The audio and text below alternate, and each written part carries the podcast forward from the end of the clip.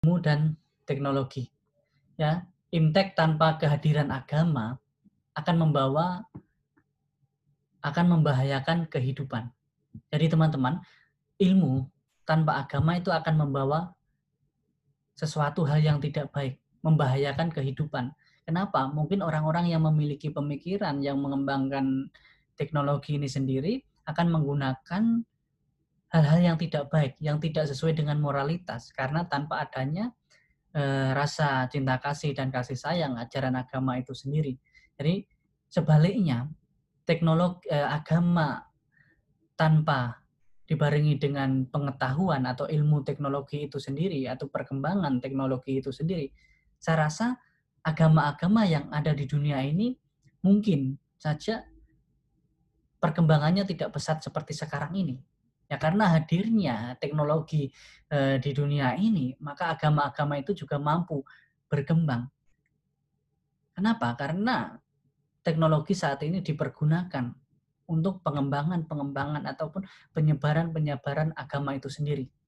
Kitab suci di dalam agama Buddha itu sendiri yang berjumlah 84.000 kanda suta itu sendiri yang awalnya hanya tertulis di daun lontar Mungkin kalau hanya tertulis di daun lontar sampai sekarang mungkin sudah rusak. Mungkin beberapa teks sudah tidak bisa dibaca. Tetapi ada hadirnya teknologi, bisa munculnya kertas, bisa muncul komputer, dan semua orang bisa uh, mengakses dari komputer ataupun laptop mereka, sehingga diperbanyak. Banyak sekali penyebaran-penyebaran agama Buddha itu juga dengan teknologi. Jadi hubungan antara agama Buddha dan teknologi ini juga sangat e, membantu sekali ya. Bukan hanya di dalam bidang spiritual saja eh, bukan hanya di bidang pengembangan secara e, kasat mata juga tetapi pengembangan-pengembangan batin ini juga memerlukan satu teknologi ya. Kenapa saya bilang pengembangan batin ini e, dibarengi dengan teknologi atau berhubungan dengan teknologi Bahkan kalau tadi saya membaca lelucon-lelucon, bahkan mujizat-mujizat pun sekarang e, bisa dibuat oleh teknologi itu sendiri. Ya, yang dijelaskan di dalam mujizat-mujizat agama-agama ataupun sesuatu yang mungkin dulu sangat sulit sekali kita realisasi, tetapi dengan munculnya teknologi, dengan munculnya ilmu pengetahuan baru saat ini perkembangan semakin berkembang, Misalnya lah mungkin dulu kalau umat Buddha uh, untuk bermeditasi mau terbang misalnya dulu untuk mencapai satu tataran tertentu harus dengan latihan yang benar-benar keras. Tetapi dengan berkembangannya ilmu, ilmu dan teknologi, nah sekarang kita bisa terbang ke mana-mana hanya tinggal beli tiket pesawat. Nah ini kan perkembangan teknologi mempermudah kita.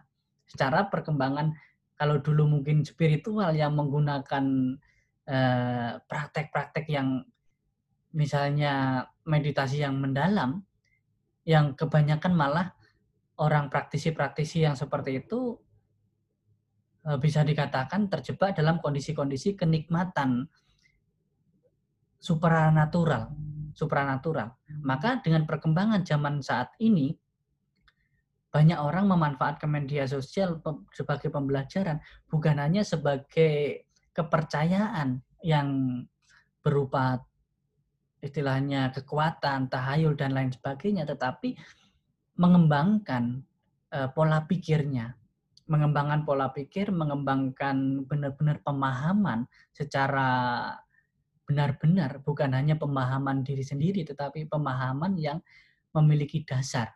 Karena mungkin setiap hari kita bisa mengakses, oh saya kok tidak tahu apa yang disebut kesadaran misalnya dari internet dari uh, Google. Google ini kan menjadi kitab suci kedua semua agama bisa dikatakan menjadi kitab suci semua agama yang kedua. Ya, tetapi juga kita harus memperhatikan menggunakan uh, atau mengambil sumber-sumber yang dari media sosial ini secara baik, secara benar, bukan hanya ketika kita melihat, kita mengutip semuanya, lihat juga sumber-sumbernya. Jadi kalau di dalam agama Buddha, secara ilmu teknologi dan uh, spiritual ini harus seimbang, ya, harus seimbang. Bagaimana kita bisa memanfaatkan perkembangan teknologi ini untuk perkembangan dhamma kita, untuk perkembangan pengetahuan kita, bahkan perkembangan spiritual kita. Ya, kenapa perkembangan spiritual? Apakah dengan teknologi ini bisa mengembangkan spiritual kita? Bisa saja. Ya seperti malam hari ini kita berdiskusi dhamma dalam jangka waktu beberapa saat ini kita telah berdiskusi ataupun Anda mengikuti pelatihan pelatihan secara online, meditasi online juga sudah ada saat ini. Ya, dengan dari guru jauh kalau kita mungkin mau bertemu dengan guru-guru yang terkenal yang hebat jauh mungkin tidak bisa. Tetapi dengan perkembangan teknologi ini kita bisa eh, akses mungkin video call mungkin dengan online. Nah, guru-guru meditasi di luar negeri kita meditasi di sini dengan panduan langsung dari guru ya bisa dikatakan ini langsung dari guru yang terkenal ataupun guru yang sudah diakui uh, seluruh dunia misalnya, ini kan mengembangkan. Tetapi di sini bagaimana sih kita bisa menciptakan teknologi itu menjadi hal-hal yang menarik. Itu. Bahkan Sang Buddha sendiri kan mengatakan di dalam Manguttara Nikaya bahwa mempelajari ilmu apa pun, pengetahuan apa pun, niscaya akan berguna. Mungkin walau tidak saat ini, mungkin suatu saat akan berguna ilmu apa pun itu. Sebenarnya ilmu, teknologi, atau pengetahuan itu tidak ada yang jelek, tidak ada yang buruk. Tetapi bagaimana cara kita e, menggunakannya? Cara kita menggunakannya. Ya. Tidak ada istilahnya sesuatu hal itu yang buruk. Kalau di dalam ilmu e, tatanan filsafat filsafat atau filosofi itu sendiri sebenarnya tidak ada kejahatan ataupun keburukan. Kejahatan keburukan itu ada ketika sesuatu terjadi uh, mengakibatkan penderitaan bagi orang lain itu itu baru keburukan. Tetapi awal pemikiran seseorang melakukan sesuatu itu dengan niat yang baik walaupun baiknya dengan diri sendiri. Jadi beberapa uh, pertanyaan yang masuk di sini tadi sudah masuk uh, di WA saya dan di Instagram. Tetapi sebelum saya menjawab pertanyaan-pertanyaan ini, nanti dengan mematangkan mungkin materi ini, saya akan mengajak bergabung eh, sahabat saya, Bang Pendeta Boy Tampu Bolon. Pada kesempatan malam hari ini, beliau telah bergabung bersama kita di sini ya dia tadi sebelumnya tadi pagi sudah WA saya mengungkapkan oh Bante topik yang Bante akan sampaikan ini saat saya masih kuliah di STT Sekolah Tinggi Teologi Abdi Sabda yang di Binjai itu saya membahas tentang teknologi ini. Dan yang sangat menariknya ada beberapa yang membahas tentang teknologi dengan agama Buddha itu sendiri.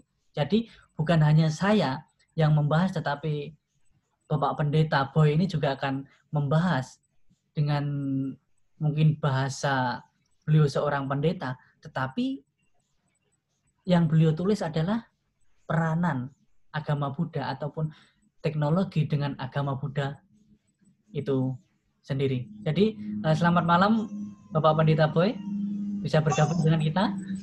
Ya, selamat malam Bante. Ya, selamat malam, Shalom. Apa kabar? Namo budaya Bante. Kabar baik. Ya, jadi sesuai dengan uh, pembicaraan kita tadi, Pak Pendeta.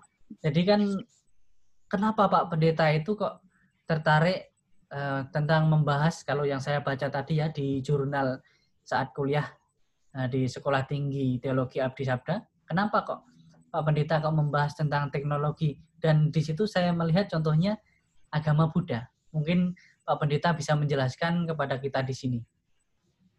Silakan. Ya, terima kasih Bante. Ya. Eh, selamat malam bagi kita. Sebenarnya dalam hal membahas tentang agama dan sains ini, saya akan memulainya dari perkataan seorang filsuf yang bernama Albert Einstein. Kita semua sudah tahu. Dia mengatakan bahwa dalam pidatonya, ilmu pengetahuan tanpa agama adalah lumpuh agama tanpa ilmu pengetahuan adalah buta. Nah, melalui ungkapan, ungkapan itu, sains dan agama merupakan dua unit yang berbeda. Namun keduanya sama-sama memiliki peranan yang signifikan dalam kehidupan manusia. Dengan lahirnya agama, menjadikan umat manusia ternyata memiliki keimanan sehingga menjadikan hidupnya lebih tertata, beretika, bermoral, dan beradab. Saya sependapat dari perkataan Bante tadi, ternyata sains, ilmu pengetahuan itu adalah menjadikan manusia yang beriman ke arah yang lebih baik lagi. Uh, sementara itu sains memberikan banyak pengetahuan bagi manusia. Dengan semakin berkembangnya sains, akan memajukan ternyata dunia dengan berbagai penemuan yang gemilang. Seperti teknologi yang kita pakai pada saat ini. Zoom. Awalnya kita tidak tidak paham bagaimana cara mengoperasikannya, tapi akan perkembangan sains ini ya semua dipermudah. Okay. Nah, tetapi ada juga plus minusnya memang kalau kita melihat dari sudut yang berbeda. Uh, akan tetapi memajukan dunia dengan berbagai penemuan yang gemilang, serta memberikan kemudahan fasilitas yang sangat menunjang keberlangsungan hidup manusia. Saya seorang pendeta protestan, gereja HKI, salah satu gereja Batak di Sumatera Utara, melihat dari sudut pandang bahwa ternyata sains itu berdampak positif kepada manusia. Dikatakan bahwa berdampak positif karena memang ya sebelum adanya uh, sains ini, agama sebenarnya sudah ada terlebih dahulu menurut pemahaman dari yang saya gali secara protestan. Sains dan agama dikatakan sebagai sesuatu yang berbeda karena memiliki paradigma yang berbeda. Pengklasifikasian secara jelas antara sains dan agama menjadi suatu tren tersendiri di masyarakat zaman Renaissance. Jadi yang yang merupakan kalau dari segi sudut pandang uh, saya sebagai seorang Protestan melihat ini cikal bakalnya sehingga sains dan agama pada awalnya tidak bisa berjalan bersama-sama.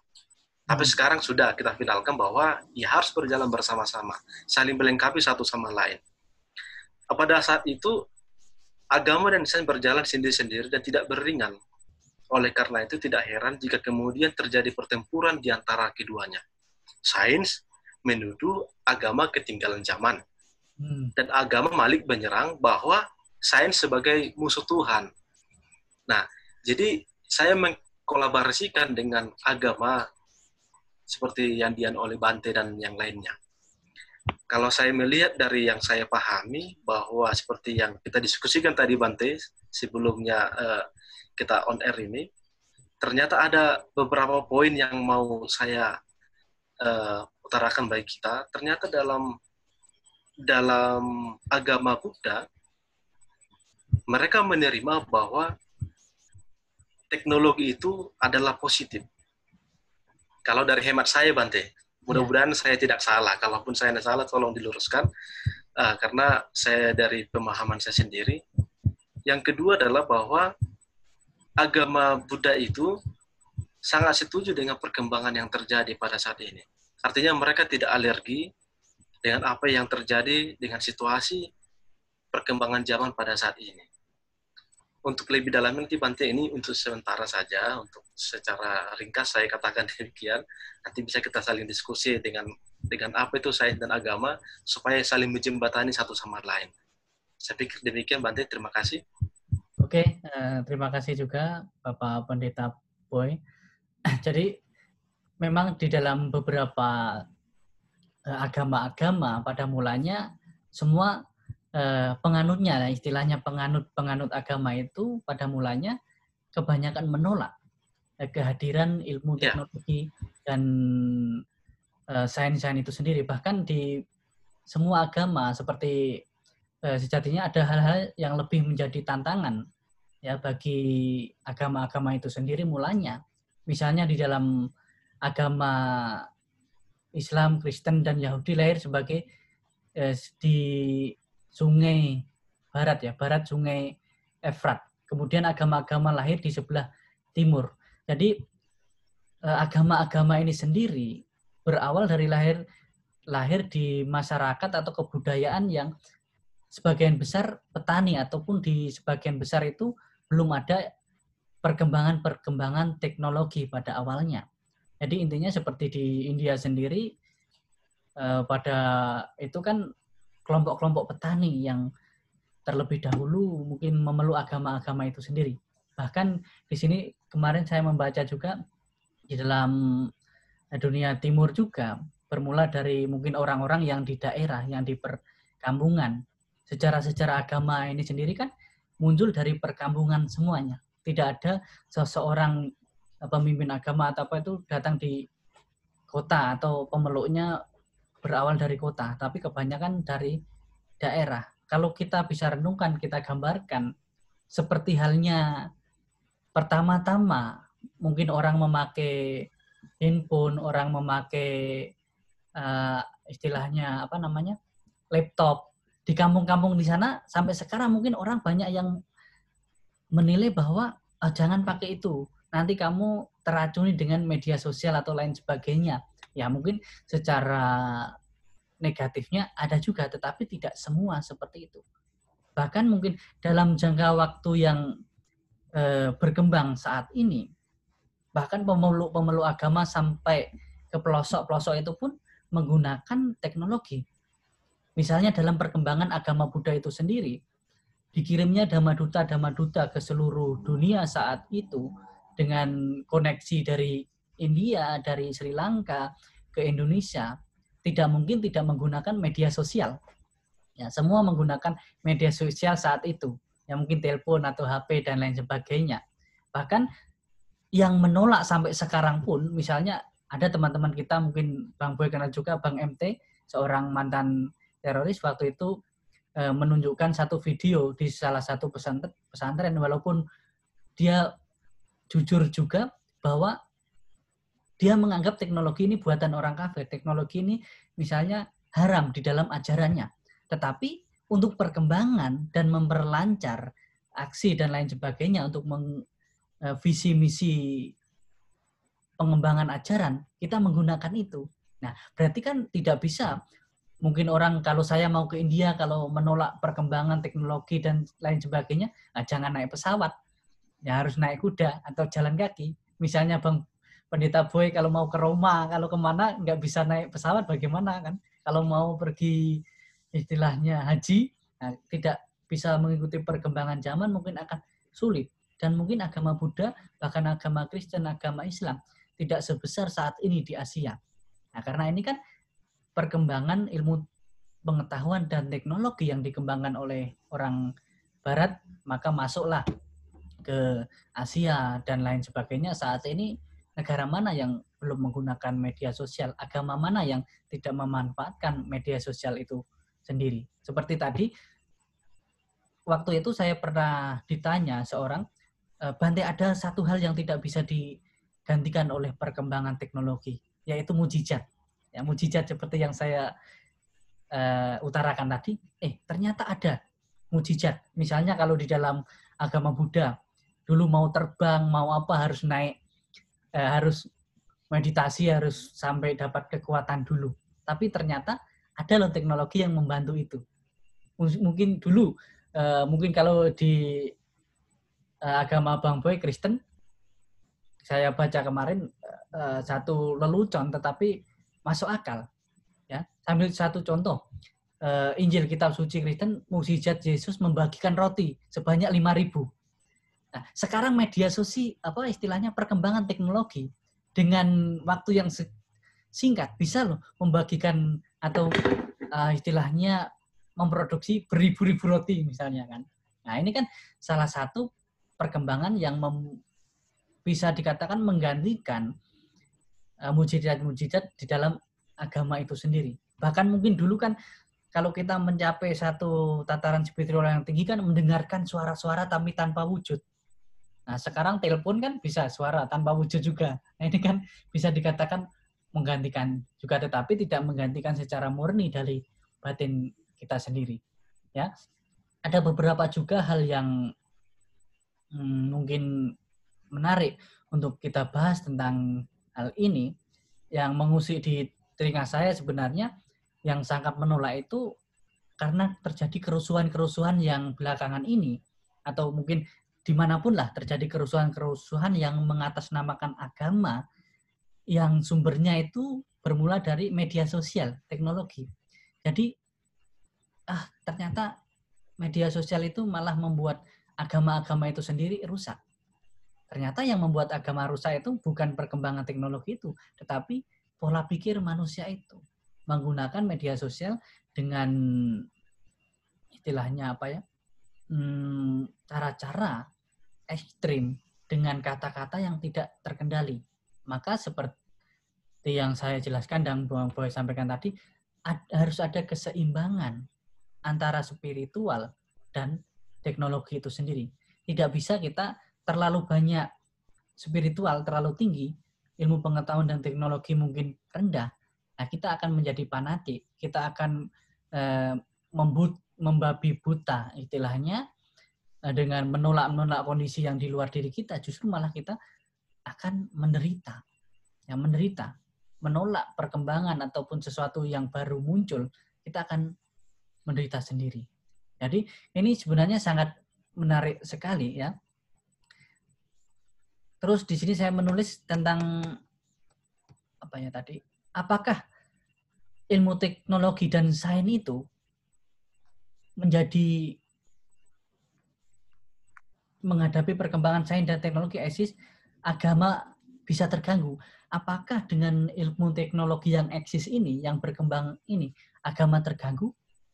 Kalau menurut saya tidak. Justru dengan perkembangan ya ya sebab perkembangan sains dan teknologi saat ini memang sudah melampaui ya normal manusia yang kita bayangkan tetapi tidak terlepas itu adalah buatan manusia itu sendiri pemikiran manusia itu sendiri yang menggunakan rasional yang menggunakan logika sehingga menghasilkan eh, perkembangan-perkembangan teknologi yang bermanfaat yang berguna bagi keseluruhan umat beragama itu sendiri.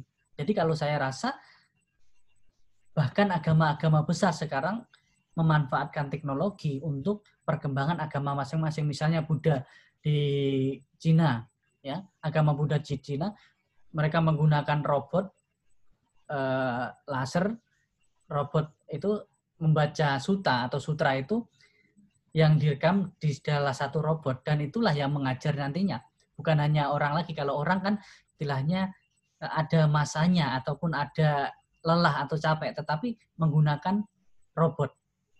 Nah, fasilitas itu sudah dimanfaatkan. Jadi mungkin seperti masa-masa COVID-19 ini banyak wihara-wihara kosong, gereja kosong, masjid kosong. Tetapi dengan hadirnya teknologi yang berkembang ini, dakwah dan e, istilahnya siraman rohani tetap bisa berjalan menggunakan teknologi itu sendiri.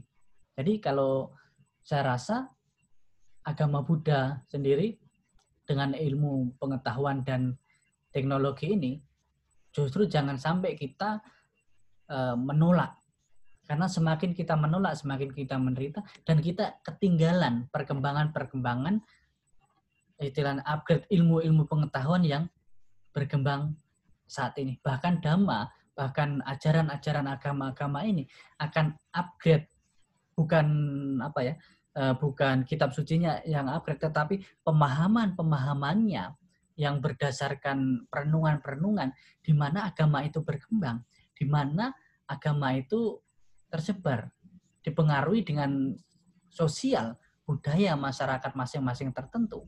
Bagaimana kita bisa memanfaatkan media atau teknologi itu sesuai perkembangan.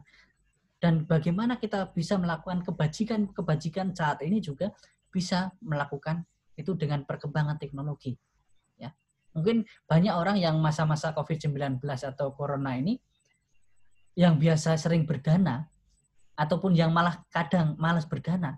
Banyak loh, eh, Bang Boy, istilahnya saat ini yang dana makan ke wihara yang biasanya sedikit sekarang makin banyak, tetapi menggunakan Gojek, menggunakan aplikasi Grab. Nah, ini kan salah satu sarana perkembangan teknologi uh, menuntut orang ataupun menginspirasi orang untuk berbuat baik dengan cara yang mungkin hmm, simple, tetapi tidak mengurangi niat dan tujuan kita berbuat baik. Seperti pada malam hari ini, walaupun mungkin kita dengan jarak yang jauh, tetapi dengan perkembangan media sosial, kita bisa bertemu di layar yang sama, walaupun mungkin satu di Siantar, satu di Singapura, satu di Jakarta, dan lain sebagainya, tetapi kita bisa bertemu di sini. Walaupun saya hanya hanya saya yang terus berbicara, Anda hanya mendengarkan, tetapi saya merasa bahagia bisa melihat uh, muka-muka Anda yang di sini, ataupun hanya sekedar nama saja, tetapi menghilangkan kebosanan, kesuntukan yang selama berbulan-bulan ini kita di rumah saja. Ya, ya jadi seperti itu kawan-kawan.